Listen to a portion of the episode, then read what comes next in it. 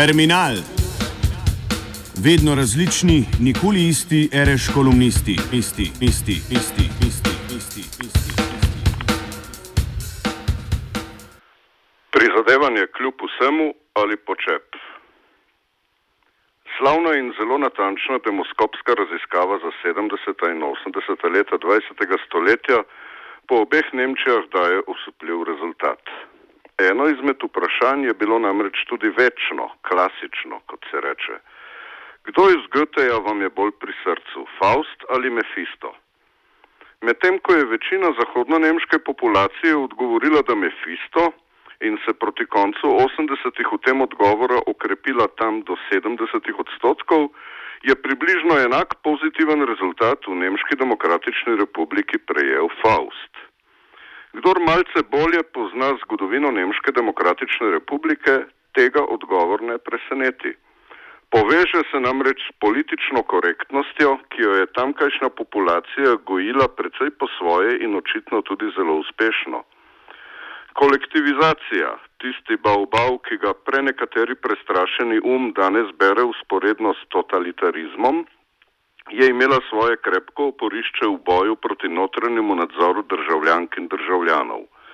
Odločitev je bila namreč zelo preprosta, a dvomimo, da bi bila v današnjem okleščenem kolektivizmu sploh izvedljiva.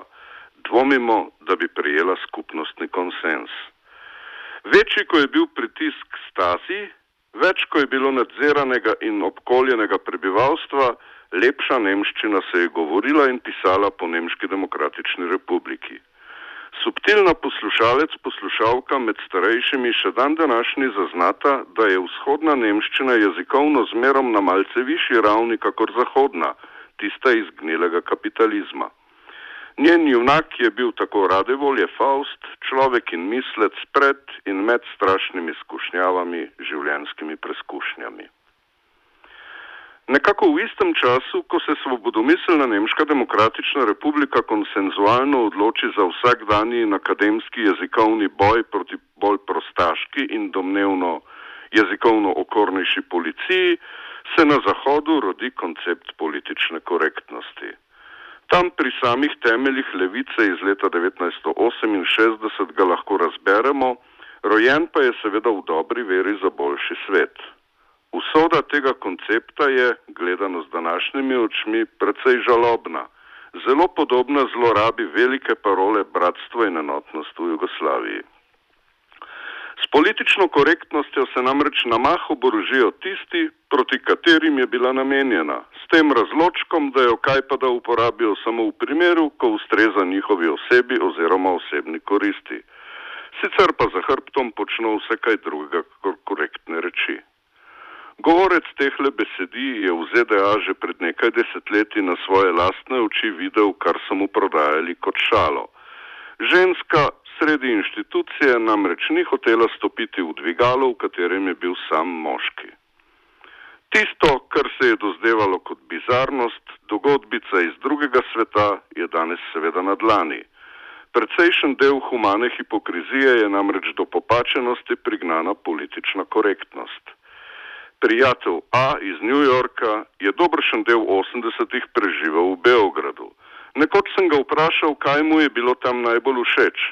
Brez oklevanja in na prvo mesto je postavil družabnost. Citiram: Ni bilo tistega dušečega date, ven si lahko šel s kom kar tako, brez postulata date, ki je postal v Ameriki tako zelo prisilen in nemogoč. To je bilo zame pravo olajšanje.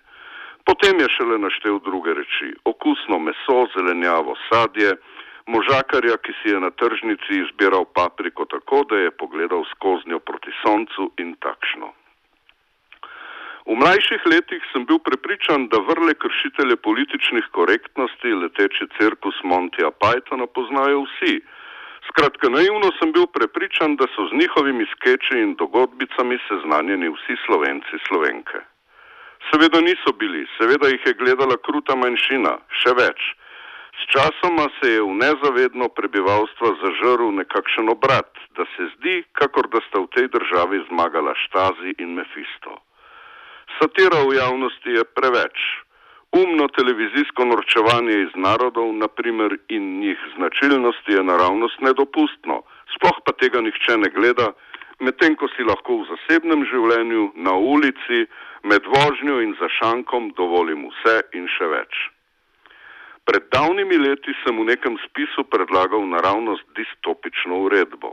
Ljudje naj bi se po starem francoskem vzorcu na delovnem mestu, v šolah in po inštitucijah ustrajno vikali, potem pa bi videli, kako humorne in drugačne človeške razsežnosti lahko proizvede takšna distanca. Mar ni ravno distanca tista, ki nam šele omogoča osnovo za sproščeno in brezkrbno komuniciranje, za dodaten medčloveški šarm?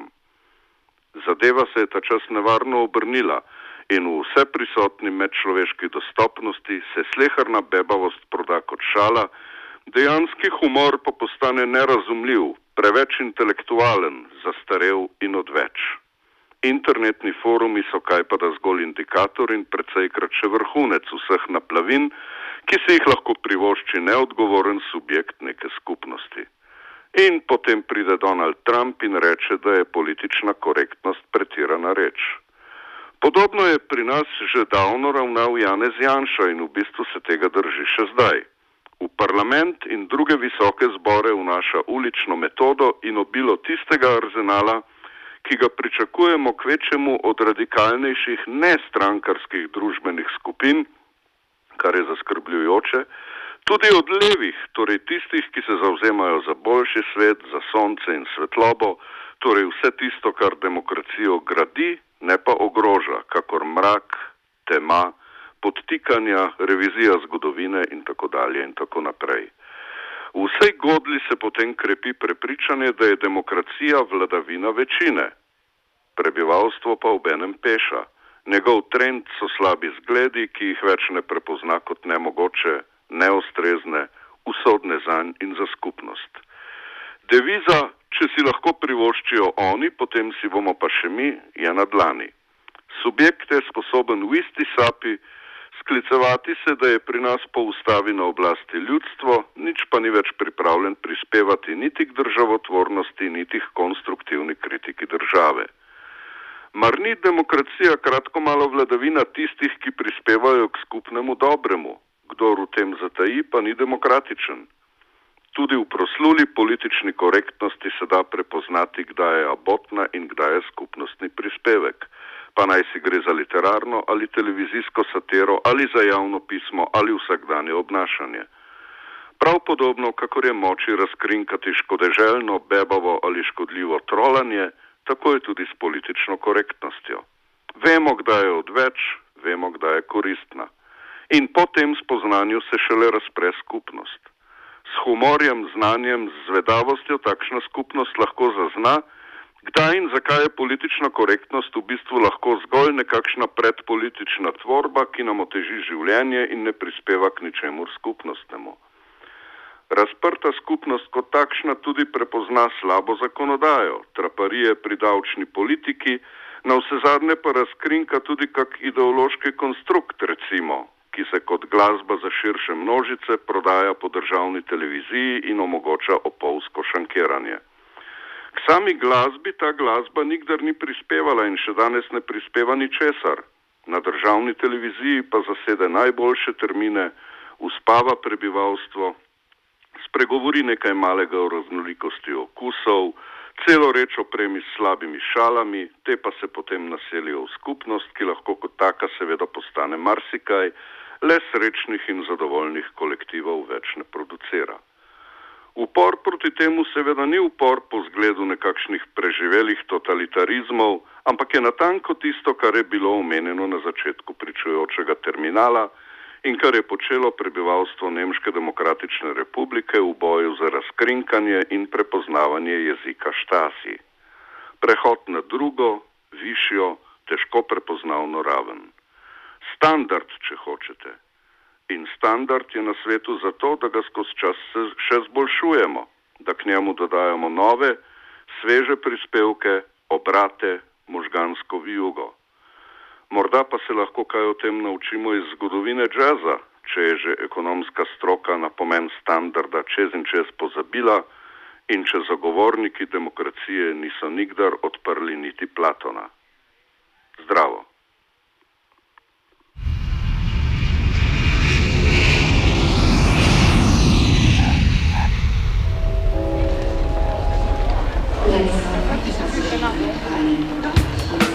Terminal. Vedno različni, nikoli isti, reš kolumnisti, isti, isti, isti. isti.